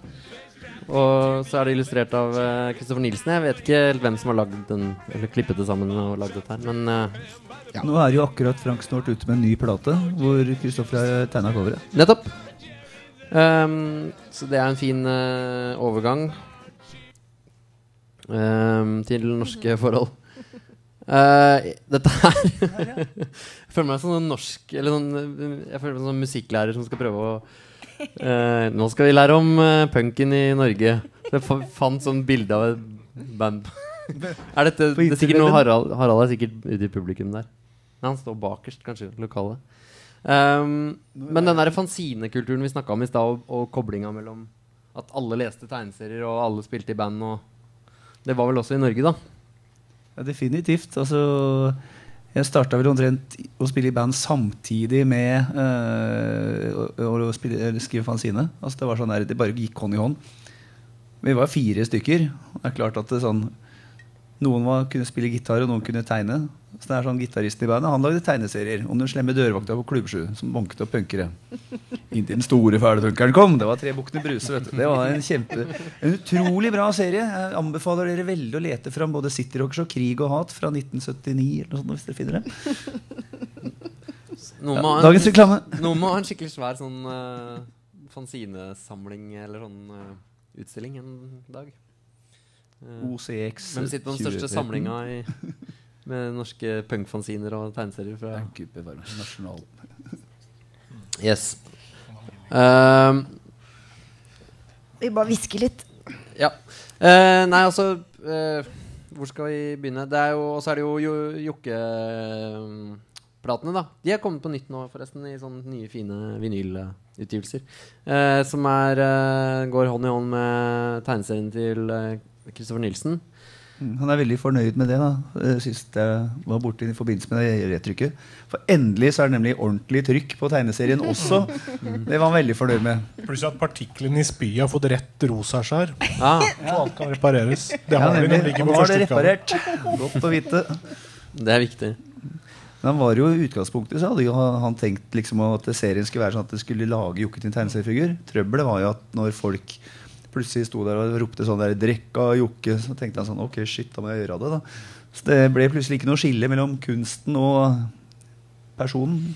Mannen og myten det- ble liksom eh, røska sammen. Det henger jo veldig sammen uh, I hvert fall en uh, eksempel på at tegningene Eller eh, alt det visuelle liksom klistra sammen med musikken. da du, du ser jo for deg de tegningene her når du hører musikken. ikke sant? Så han klarte jo å liksom å Så hvis de av dere som nå sitter hjemme med noen gamle sånne CD-utgaver av dette, Skal jeg fortelle at de, Hvis de prøver å lese det innecoveret der, så er det helt på trynet. For er, de klarte ikke å overføre altså, Formatet var helt feil. Mm. Derfor musikk best på LP. Ja, om ikke annet så pga. størrelsen. Eh, Ja, Stakkars de som skal lage platecoverne, får jo ikke noe jobb på. Nå er det jo MP3-filer som skal bare ha sånn GIF-fil på 1,1 piksel. Det er helt oppløst. Spesielt, et smil. Spesielt Hundeliv, som jo inneholder faktisk en fullverdig tegneserie. Det er jo en ordentlig fortelling. Ja, Og- for der er det historier om bandet og litt sånn Ja, og det er, ikke, altså, det er en ganske, egentlig en ganske grim historie som Mm. øh, Med bange forutdannelser for hva som skal skje. Og det fulgte jo liksom hele veien, da. Så i de Altså på den samleskiva og sånn, så er det jo um, Ja, det er innstikkene til samleskiva. Ja. Der er, får vi vite hvordan de skal tjene penger og mm. um, Er det noen eh, scener fra de Jokke-seriene? Eh, vi er i Norge nå, da, så da blir det litt sånn eh, Det blir sånn tilfeldig hopp og sprett eh, mellom eh, ulike aktører eh, og den ene og andre veien. Hva som kom først av rock og tegneserier. Uh, Frode Øverli har jo da lagd en karriere på at gamle gubber krangler om hvem som er best av ACDC og Kiss. Uh, det er på en måte gubberocken. Det føler jeg er en sånn verden som henger sammen der med Herreavdelingen på P1 og Tormod Løkling som er redaktør der, og så er det Pondus, og så er det, det er sånn gubbe gubberock. Ja, veien, veien er jo alltid veldig kort fra kan du si, fotballpuben til jukeboksen. Ja. Og da er det, etter at man først har krangla om hvem som er best av Millwall og Westham, så fortsetter man videre til ACDC og Kiss. Ja. Ja, så går man tilbake igjen til jukeboksen. Ikke sant? Så du sier at ACDC er Millwall? Det har jeg ikke sagt noe om. En av mine sånne Iron Maiden er gode Westham. En av mine gode ungdomsopplevelser var å lese i Python eh, om Deep Shit Junkies, da, som også var eh, en eh, fin sånn bandparodi av Øverli, da. De, de er jo samla også i en sånn eh, egen bok.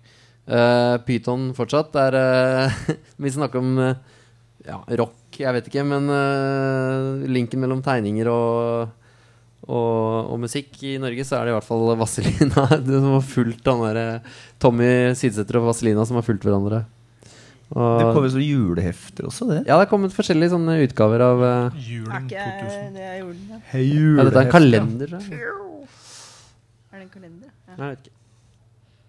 Prøv å åpne lukene. tror vi har dag i publikum. Man kan sikkert svare på det. Det er ikke noe kalender hvis man ser på strekkodenummeret. Uh, og uh, også en av de andre store suksessen i- av norske stripserier, så er det jo eh, veldig mye rockereferanser i, i innholdet.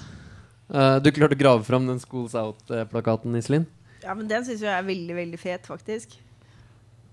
Det var, eh, da Alice Cooper skulle spille her i 2004, så fikk vi lyst til å tegne plakaten. Eller jeg fikk ikke det, da. Eksmannen som jobba i produksjonsbyrået, fikk det. Jeg syns den er kjempefin, for hun hadde jo lagd eh, Alice Cooper som hennes fantasivenn en god stund i forveien. Ja. ja. Det er mange som linker mellom eh, Eller til rockegreier der. Og hun er vel eh, Lise er vel uh, gifta seg inn i black metal. Rockebabe, hun òg. Ja. Mm. Hun, hun var jo også med ganske tidlig så lagde hun var med på å sette sammen en samleplate med liksom mange av favorittbandene sine. ja, det var sånn Nemi-plate. Ja, ja. Og det var jo også der hvor hun da fikk eh, liksom Hun tok en crumb, men kanskje andre veien. Det var for å si det sånn, det var ikke liksom de svarte røttene, det var liksom de svarte hårrøttene. Altså, prøver dere å si at Nemi er en rocka tegneserie? Nei, men jeg snakker om uh, den plata. Ok. Her kommer noen fine eksempler på norske serietegnere som har lagd eh, eh, plateomslag. Uh, to veldig forskjellige tegnere, og sikkert forskjellige band òg. Jeg liker veldig godt dette det røde, jeg. Ja, det er altså Walters, han som tegna Pervo-Chris, som har tegna Hvilket band er det? Hvilket band er det? Det er Abnormal, og plata heter P- Playing for Pussy. Jeg har aldri hørt. Nei, den uh, må vi grave opp. Playing for pussy. Mm. det må jo være bra. Uh, det er veldig morsomt. Og eh, Jason som tegna Etnobabes, da. Sin plate. På, Så også i Norge finner vi de her. Abnormal, så ser du helt klart linkene tilbake til Holmstrøm og hans Bosco-tegneserie og, og Comical Funnies, altså igjen tidlig 70-tall i USA. Men har du hørt det bandet? Nei, jeg, så jeg, jeg trenger ikke høre bandet når jeg ser The Jugs. Ja, Du har regna til hvor musikken låter. Er det flere Ser dere hvilke norske serietegnere som har lagd eh, disse omslagene? Det er Black Dab Debatt og, og Motorstrike, da, eller Tussler. Det er Kim Holm som har lagd det Black, eh, Black er Superfint. og så er det Ronja Berge som har tegna den uh, Se på Egil. pastisjen på. Cowboy. Så er det gjort forsøk på Eller uh, På liksom å koble rock og, og tegneserier litt sånn direkte. da Så det var et nummer av Tusj, som var et, norsk tegneserieantologi som gikk noen nummer, i hvert fall. Uh, der det var tema var rock. da Så da fikk jo folk prøvd seg med å Med å Ja, de fleste gikk vel for å tegne sånn tekstene til De fikk jo helt liksom. frie Ja. hender til å gjøre hva Mm. de hadde lyst til. Men da ble det jo litt rocketekst, da. Ja, den, den her, og så var det.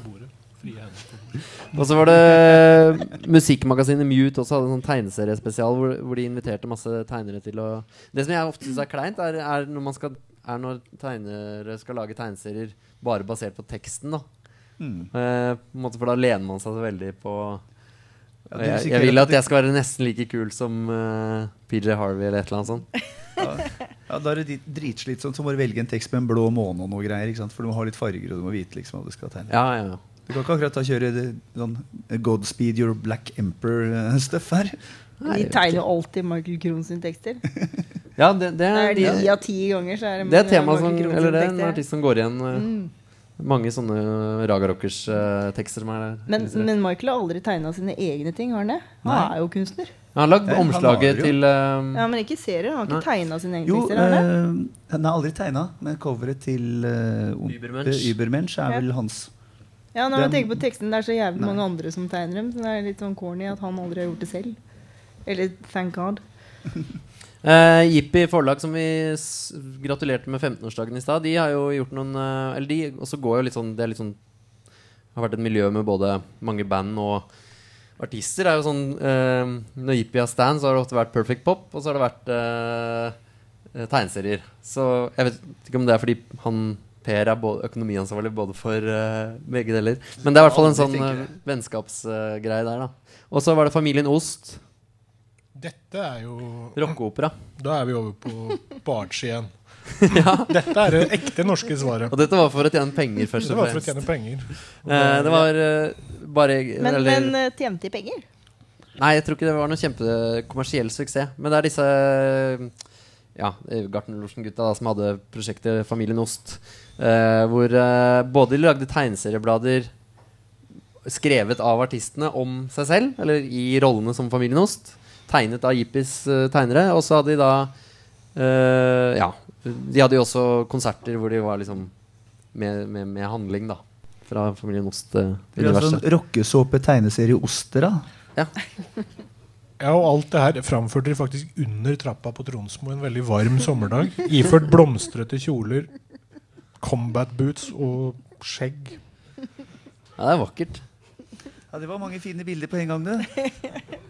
Det er deilig sært, altså, hele, hele universet der. Og et ut utrolig fengende refreng på tittellåta. Vi er Familien Ost. Det var vakkert. Kom en gang til. Jeg fikk den ikke. Eh, det er altfor lite sang her. i. Vi skulle tatt med gitaren. Uh, det var også en eh, Doggy Pound, også et sånn samarbeidsprosjekt mellom Ipi og, og uh, de artistene på Perfect Pop mest, var det vel.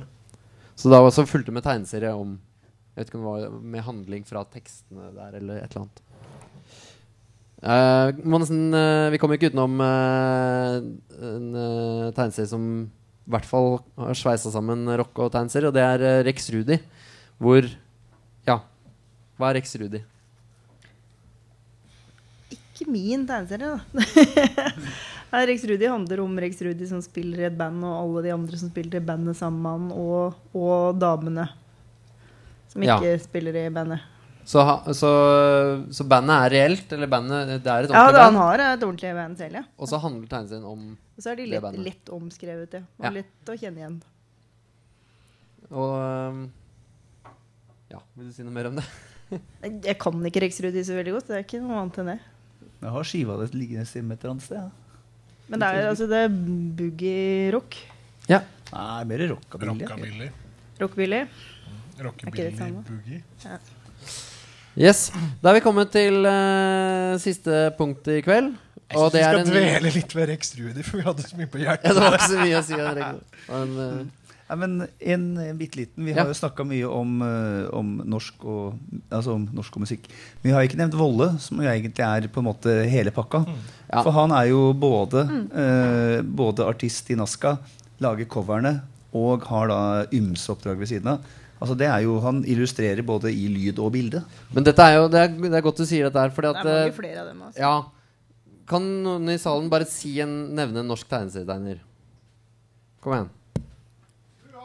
Flu Hartberg har spilt i legendariske rockebandet Astma, blant annet. Bare ræva. Vokalist.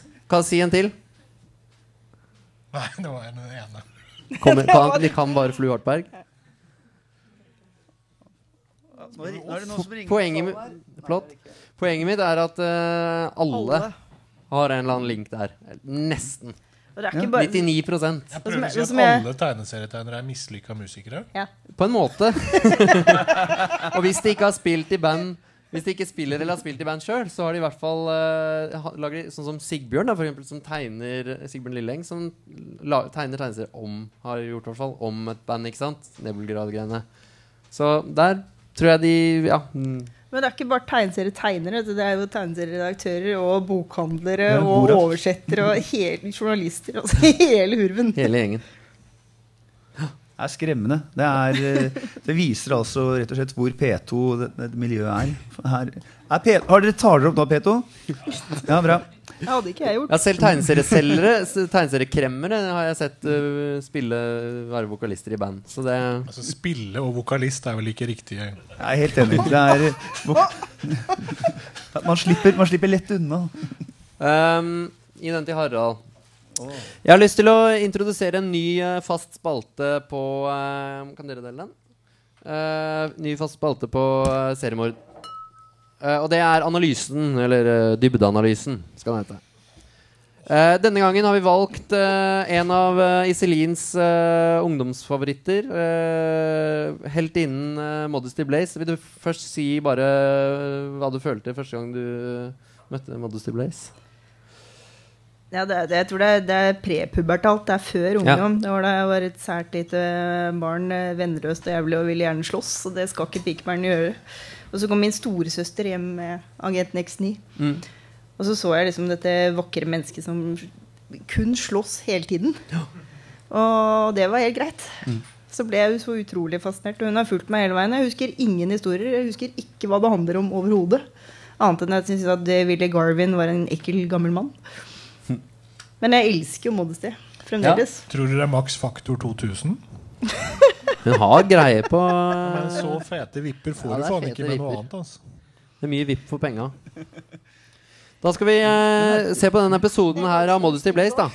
da bare, kan jeg, er det noe som heter innskudd eller eh, replikk eller whatever? Eh, det er tre, minst tre band som har kalt seg opp etter Nettopp her har vi Du, du, du, jeg må bare vise hvordan Harald talte tre i stad. Han sa liksom ja, det er tre band, vet du. Det er et norsk, og et svensk og et britisk. Det er naturlig for Harald å telle sånn. Nei, jeg har litt sånn dårlig finger i midten. skjønner jeg litt sånn. Skal blande Satan inn i alt. Andre Nebb-hånd. Ja, Hvem er disse, hvem er disse Modesty Blaze-banda, sa du, Harald? Ja, altså, det var Nei. Nå sitter jeg på henda. Eh, Det er, altså, det er ett britisk band vi vet om. Vi vet om et norsk band. Og det er noen sånne svenske trivelige indie-rockere som også har De har til og med brukt uh, introen på ene låten Har de da brukt uh, fra filmen Modesty Blaze. Ja, Who's that world? Who's that girl? Modesty Blaze, Modesty Blaze, Modesty Blaze. Du vet, at, du vet at det er uh, A Girl of Mystery, International Mystery. da Og så kommer det noe fin sånn der svensk poprock med litt sånn skrangla gitar. De vil at tøffe Modesty Blaze skal liksom smitte over på bandet. Fordi Selvfølgelig. altså de gutta, de gutta er jo så tynne og slappe at de blir drevet bort av et vindpust. De håper ja. liksom på at det er en stor, sterk pike som passer på dem. Med trekantpupper. Uh, vi skal uh, se på denne episoden her. Uh, uh, Iselin, det er en slags sånn derre um, The coming of uh, Of modesty. Det er en sånn derre introduksjon Eller åssen type serie er dette? Vet du det? Det er en Ja, nei, da, altså Jeg spurte bak. redaktøren for, uh, for Exney om uh, det fantes en kort Modesty-historie Ja. som vi kunne se på. Ja. Og så sa hun nei, det fins ikke. Nei. Og så tenkte hun seg om, og så sa hun jo, det gjør det jo faktisk. Fordi det fins en uh, veldig kort historie som vi nettopp har trykket, så den er ganske Yes. nytrykt nå. Om uh, Modestys tilblivelse i tegneseriene. Ikke nytegna. Nei, det er det. Um, da uh, gjør jeg som på skolen, og så ber jeg uh, Harald bla til Kan du bla på side ark, neste ark? To? Ark 2. Og så må du lese med den narrative men, den røsten stemmen du du har. har. Ja, men det er jo ikke tekstanalyse. Nå vil vi ta uh, høre hvordan det høres ut. Kan Ok, jeg dette er tekstdialyse, dette her, da. Ja, men, vi de å analyserer både bilde og, og tekst her, altså. Les først. Ok, Med eller uten patos? Patos, takk. Patos, ja. Under annen verdenskrigs siste kaotiske måneder rømte en liten flyktning fra en fangeleir i Hellas. Den hånden hun hadde klamret seg fast gjennom endeløse stravaser på flukt, var nå blitt kald, og hun var alene. Ja. Jeg klarer ikke å lese mer, jeg. ja, men det er kjempefint. Um, jeg bare er biter meg- merke i at, den, at det er så fint måten den uh, er helt så bokstavelig, den illustrasjonen til teksten. At det er en uh, den hånd hun hadde klamret seg fast til, og så er det bilde av en stor hånd. Det er veldig sånn Det er en bilde av en kvinne, om det er mamma. Det er mamma? Ja. for hva er det som skjer her? Jeg glemmer å følge med på handlingen, for Harald leser så sexy. Hun rømmer fra Hva er greia? Hun rømmer fra en fangeleir i Hellas. Hvorfor er det fangeleir i Hellas? Er det noe jeg ikke har fulgt med i historietimen? Krig, for faen. Det er krig, ja. Så det er ikke nåtida, altså. Se jo det gutta i hjelm på huet på, på høyre. der. Er det første eller andre er verdenskrig? Det er 42, det er basert på O'Donnells første tekstbobla. Og der står det under annen verdenskrig, ja. Bare husk at O'Donnell brukte sine egne erfaringer fra annen verdenskrig som sersjant da han skapte Modesty Blice. Veit du ikke det? Nei, Jo, for det står nemlig på Står den første sida. men det har jeg ikke lest. Jeg begynner å bli bekymra for den her professoren ja, som skal prøve å gi oss tekstanalyse. Han aner ikke engang hva storyen handler om. Nei, Det er dere som skal analysere. Ja, ja. Så ja, okay, så jeg Han er bare ute etter mindreårige jenter i klassen. Modesty, Med eh. Modesty er flyktning fra Hellas. Hun er greker. ja. Eller hun Flott. er vel egentlig fra Balkan. det. Det, ikke Hun er Nei, hun er fanget i Balkan. Fransk-balkansk. Vi må ikke drive og sette folk i bås her, altså. Terje, les uh, neste. Hvor er vi igjen, da? Traume Tåkela. Jeg ser jo ikke det her. ja. Harald.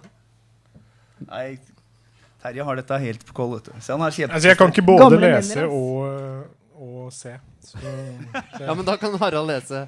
Det går veldig fint. Uff da. Trauma, tåkla minne. Barnet visste ikke lenger sitt eget navn. Hun visste bare at hun måtte flykte. Overleve enda en dag. Akkurat som hun hadde overlevd så mange andre dager. Hun ser veldig trist ut på det bildet. for. Veldig. Hun har fortsatt maskara, da. Mamma Selv om hun er flyktning. Ja, Kajalstifter tror jeg var ganske hyggelig. Det er ikke maskara, det er ikke maskara. Det er for faen. Nei, Det er kajalstifter. eyeliner, Eyeliner. eyeliner. Vet du, til og med jeg. Har dere hatt et møte på forhånd hvor dere snakket om modesty? Vi kan det. Dere kan det, ja. Ja, videre. Nei, nå er det Terje sin tur. Er vi her? Der. Den lille Instinktivt fortsatte hun gjennom hun hele tiden sørover, gjennom Tyrkia, vekk fra krigen. Hun klarte seg godt ut i det fri. Ja, Da ser vi at hun bruker en slags uh, uh, pinne med en spyd til å fange fisk, sannsynligvis. da Ja, dette er rappa rett fra, fra Mark Twain. Dette er jo Tom Sawyer, bare som transbalkansk flykt, flyktning. Men ligger ikke en, til og med en fisk oppå sekken hennes? Jeg Skal vi se. Det, hvis det ser liksom Jo, hun har allerede fanget en. Hun sparer den. Ja, Er det en fisk? Den skal hun rake. Ja, det er en abbor. Nå er hun ute etter gjedda. Det er et slips. Skal jeg lese videre, eller? Ja. Når vinteren kom Det heter vel da vinteren kom, men Det kan hende det er flere vintre. søkte hun til en krok i en liten by som en villkatt for å få mat, jobbet eller tigget hun. Eller stjal. Hun var ikke lenger preget av skrekk og sorg. Etter hvert ble hun dyktig i overlevelsens kunst. Åh. Det er kjempefint. Bare fortsett du, Terje. Du hadde så på det nå. Barnet hadde reist lenge da hun til slutt sammen med mange andre flyktninger gikk over grensen til Iran. Den posituren der er kanskje ikke helt heldig, men Men det minner litt om den derre som han eh, fyren har støffa inn i Folketeaterpassasjen. Skrevet til Ja, den derre skrevet Moss, ja. Moss. Mossleppene. Mosselukta. Hun er en pen, et pent flyktningbarn, da. Her- ser, ser litt bekymra ut. Jeg vil si det. Ja da. Ja, hun passer, men det er interessant å se at hun forsvarer maten sin med samme blikk som fanger som har sittet i tunge fengsler gjør. Ja. Posisjonen, posituren med knærne opp, sånn at hun lett kan sprette opp og rømme. Altså, alt det her er stemmer. da alt han, Ja. Det er ikke noe juks her, det er bra Nei, nei. research. Uh, dette er jo før hun lærer seg uh, både karate og judo og alt hun lærer seg seinere. Vær så god. Har noen lyst til å lese videre? Harald tar over. Her, her var det leirer. Ja, ja, ok. Her var det leirer for slike mennesker, for dem uten land, uten eiendeler, uten håp. Det var triste, grusomme steder. Det er det faen ikke noe tvil om. Altså. Jeg ser det. De ser utrolig leise ut. Jeg syns det fjes på hun gamle dama egentlig er best. Det, Nei, jeg er jo, det er jo ikke et menneske, faktisk. Nei. Og han fyren han fyren er jo faktisk Mortis. Som, er liksom, eh, som da liksom har fått et sånn nytt lag med sminger Men litt forbudte ører. med de forbudte ørene. De skulle vært litt spissere, men ellers er det ganske bra. Ja. Hun ble sjelden lenge i en leir, men gikk videre for å stjele i områdets basarer eller drive omkring en stund med nomader og andre hun traff. Geiter, f.eks. Ja. Det var i en flyktningeleir hun først møtte den gamle mannen og så at han ble ranet for sin magre matrasjon. Ok. Og da kom vi til en viktig tegning. Den gamle mannen. Der er modesty på plass. Her er hun på plass, og her er også rettferdighetssansen etablert. Uh, Dette er hennes første ballespark noensinne. sannsynligvis. Uh, du kan Med igjen små føtter. Terje Les. Uh, merkelig nok reagerte barnet som hun ville ha gjort hvis det, hvis det hadde vært Merkelig nok reagerte barnet som hun ville ha gjort hvis det hadde rammet henne selv. Det raske angrepet hennes var nådeløst. Jeg skjønte ikke det, men det Er det Det mulig med en liten replikk inn her? Ja, kom igjen, Til Harald. glede for eh, P2. Uh, det- det er sånn at eh, Tenk på Hun, hun ser jo faktisk Der har- begynner hun å se ut som Åse Kleveland. Ser dere det? Ja. I sveisen. Og hva er det Åse Kleveland vet om? Hun vet om en gammel mann. Ja, her har vi Så det. jeg tror, jeg tror det er faktisk ganske mange djupe nivåer i denne teksten her som vi har ikke som ja, Du ser sammenhenger, ass. Men det er jo en fantastisk Sjekk kraften i sparket. Altså, fyren får en i nøtten og løfter fra bakken. Ja, han Han rekker ikke smekker en stein i huet på henne engang. Nei, ikke sant? Han er sikkert sånn der 50 kilo, hun er 22. Tyven løp med armen ødelagt av våpenet hun bar med seg. En kvesset syl surret fast til et trehåndtak. Det er jo en klassisk shank som man lager i fengsler. Da man, smelter man ofte en kam og, og klemmer fast et barberblad. Det er den mest primitive formen. Terje har vært en del innafor. Jeg bare videreformidler det du fortalte meg fra Bredtvet kvinnefengsel. Sjøl har jeg vært i Tyrkia i fengsel noen ganger. Ja. Mannen så ikke ut til å kunne overleve alene, men hun kunne ta seg av ham, for hun var stor nå. Antagelig tolv år. Ja. Hun tar seg en gammel mann. Skal vi, skal vi lese hele? Ja. Har vi tid til det? Skal ikke vi være ute herfra til klokka ni? Slik ble et helt spesielt vennskap innledet. Han hadde vært noe som het professor, og han visste alt. De forlot leiren i løpet av en hel lang sommer og underviste han henne, men først ga han et navn, Modesty, og lo da han gjorde det. Men Stopp. hallo, hallo, hallo, hallo. Hva, hva er det hun gjør på veggen? Det lurte jeg litt på. Hun gjør en magisk gest. Her er, Nei, jeg tror hun, dette er hun hyllest til. Mandrake. Men ser du, er det det hun gjør? Hun visker ut noe hun har skrevet. Hun har skrevet din altså- gamle Nei, nei, nei, kom igjen da. Det er kølking, ja. Nei, Det er kølking. Professoren lærer henne alt. Han lærer Ja, henne å er skrive, han lærer henne å regne, han lærer henne kjemi, fysikk, og hun skriver på han har henne Med en potet. Nei, hun skriver med en stein. Potetene spiste de. Han har lært henne mye annet rart òg, for neste bilde så har hun ikke på seg klær. Nei, og det må Back to nature. Og det har jo hun en tendens til å gjøre miste klærne. I fire år vandret umake paret som loffer gjennom Midtøsten. Av og til var tilværelsen risikofylt, men for Modesty var ikke det noe nytt. Ofte stjal hun bøker som den gamle mannen kunne lære henne, mens hun sugde ivrig i seg kunnskap, og han var fornøyd med henne. Ja. Jeg gidder ikke å være her, altså. Ja, men dette er sikkert bra. Dette Eh, er all in your mind. Interessant at i den replikken med 'sugde' så finnes det også et esel. ja, det er typisk. Jeg har ikke lest eller sett noe av dette. Vi hopper, vi hopper litt Det var en fin eh, serie du har satt i gang nå. Det er en kjempefin, Sodomi. kjempefin serie. Eh, jeg tror ikke vi rekker å lese hele, nei. Eh, Men nå begynte jeg å bli litt interessert. Ja. det er litt interessant. Fordi på side, neste side så dukker hun endelig opp i de tightsittende klærne og med trekantpuppene og sånn som var så fascinerende. Hvor kom han der? Men det var ikke han gamle mannen som ble til han eh, assistenten? Nei. Nei, Willy Nei, Garvin, Willy. Garvin er jo frafallende agent som hun møter mye seinere etter at han har falt i unåde. Aha. Han var ikke agent, han var jo superkriminell. Og så ble de agenter. Ja, ja, Willy var De ble agenter slemming, senere. han. Ja, ja, men han brukte jo sin forbryter. Karriere Men for så han i thaiboksingkamp og ble begeistret og, og redda han ut av fengsel. Dette er jo det Raptusfestivalen gjenskapte så legendariske Bergen for en ti års tid siden. Denne fighten. Gjorde dette. Hvem var det som gjenskapte den? Pondus, Pondusfestivalen i Bergen. Ja. Tusenfestival. Hvem var det som spilte Modesty? Er det ikke Don Nei, altså, jeg Rosa-festivalen? dro jo Lars ikke. Lauvik. Ja, men det var en fin analyse, syns jeg. Vi har ikke Eh, analysert en dritt. nei, men eh, vi kan eh, tenke litt på det vi har sett. Vi har prøvd å kanalisere teksten, og det har vært veldig uggent. Jeg føler at jeg er nødt for å vaske, hen- vaske øya mine når jeg kommer hjem. Dette her det er Terjes feil, alt sammen. Alt var uskyldig. Ja da. Men jeg syns dere gjorde en god, god oppgave i å lese opp. Dere var flinke, flinke til å lese opp høyt. Um, Men dette er jo poetisk som faen, da. Den fine tegningen av William Modesty. ja, det er veldig fint. Den lange eksponeringen i stråleglansen av fare, det er faen meg verdig Jan Kjærstad. Ja, det er, Dette kunne vært Jonas Wergelands magiske penis i ribbeveggen. det er stor, eh, stor litteratur. altså. Men uh, er Menneskelige magneter som trekkes mot trøbbel. Da- sånn vil Her er, det, her, begynner, her er det en poetisk nerve. Nå begynner, Nå begynner du å like det. Og da er det selvfølgelig slutt. Og det sier mannen som har eh, da avlyst sin egen sl slippfest av diktsamling for å være med på seriemord. Det er veldig bra, Terje. Det ble litt sånn Det var litt vanskelig med datoer og sånn. Ja. Men det er bra du prioriterer riktig. Eh, da tror jeg vi er, virker, virker som vi har kommet sånn eh, noenlunde til veis ende. Så da tror jeg vi bare skal takke pent for oss. Og um, minner om uh, Tegneseriefestivalen, altså. Som er 8. og 9. juni. Og uh, så takker jeg dere for at dere lyttet på oss og møtte opp. Takk for tålmodigheten. Takk for oss. Det kommer en liten film på slutten her, faktisk. Kan dere se på den mens vi går av scenen? Hva var den du sendte, Harald? Donald dekonstruert. Onkel Anders. Onkel Anders. Mormor. Din mor er luder.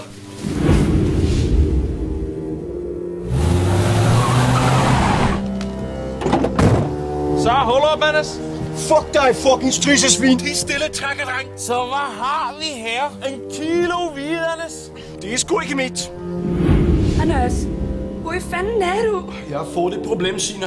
Og jeg er i spillet. Anders. Skal jeg så bare si opp med ungene? Sine, slapp deg av. Jeg Kan ikke den her mer. Og hva med de pengene du skulle være, Mulle? Anders, Anders, Anders.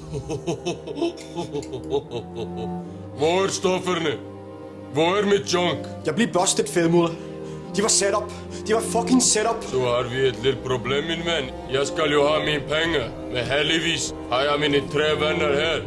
Bjørnebrødrene, de har deres metoder. Forstår du, min venn? Hvordan skal jeg kunne skaffe de penger? Du har en rik onkel, ikke? Men min onkel hader meg. Han låner meg aldri. Du får ikke en øre for meg, Anders. Vet du hvorfor? Fordi du er mislukket, Anders. Du er en mislukket junkie. Og ved du hvorfor? Fordi du